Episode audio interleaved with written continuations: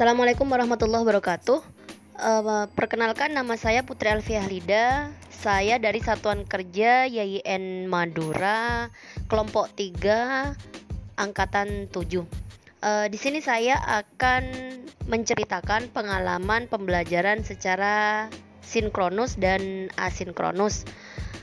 Pengalaman belajar secara asinkronus sudah uh, saya dapatkan sebagai peserta latsar melalui MOOC di mana pembelajaran MOOC ini uh, kita mendapatkan akses materi dan modul secara mandiri. Uh, Pembelajaran emosi secara asinkronus ini pastinya memiliki kelebihan dan kekurangan yang kita rasakan sebagai peserta. Di antara kelebihan yang dirasakan yaitu memungkinkan setiap orang di mana pun dan kapan pun untuk belajar. Peserta dapat belajar sesuai dengan karakteristik dirinya sendiri karena bersifat individual. Peserta dapat mengakses informasi yang diberikan dari berbagai sumber, baik di dalam maupun di luar lingkungan belajar, mendorong peserta untuk lebih aktif dan mandiri dalam belajar. Isi dari media belajar dapat diperbaharui dengan mudah. Kekurangan yang saya rasakan yaitu keberhasilan pembelajaran bergantung pada kemandirian dan motivasi belajar peserta.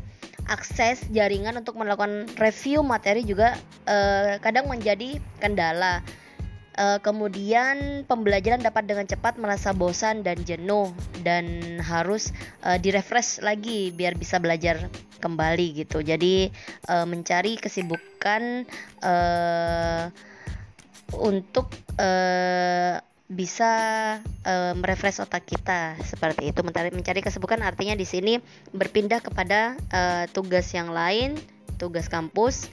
Misalnya karena saya di satuan kerja YN Madura maka tugas saya adalah mengajar setelah uh, mengajar di uh, kelas entah itu melalui daring ataupun luring baru nanti uh, saya belajar kembali seperti itu. Adapun uh, pembelajaran secara sinkronus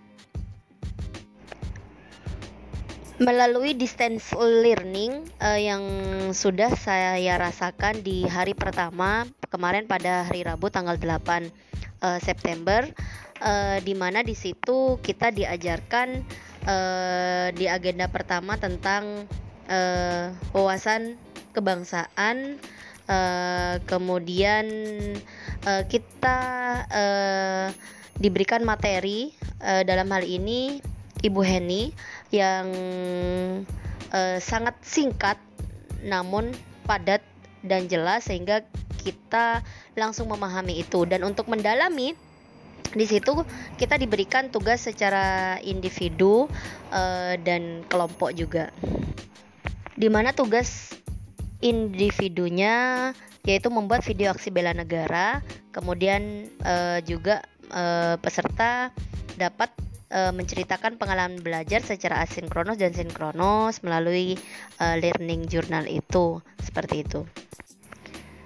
Uh, demikianlah yang bisa saya sampaikan dalam pembelajaran sinkronus dan asinkronus uh, dan kesan pertama belajar melalui asinkronus karena kondisi seperti ini masih pandemi. Uh, jadi kadang juga uh, sinyalnya tidak kuat dan pastinya ada kelebihannya yaitu kita bisa uh, langsung belajar uh, dari uh, langsung bisa mengambil ilmu dari pemateri meskipun melalui uh, via daring seperti itu.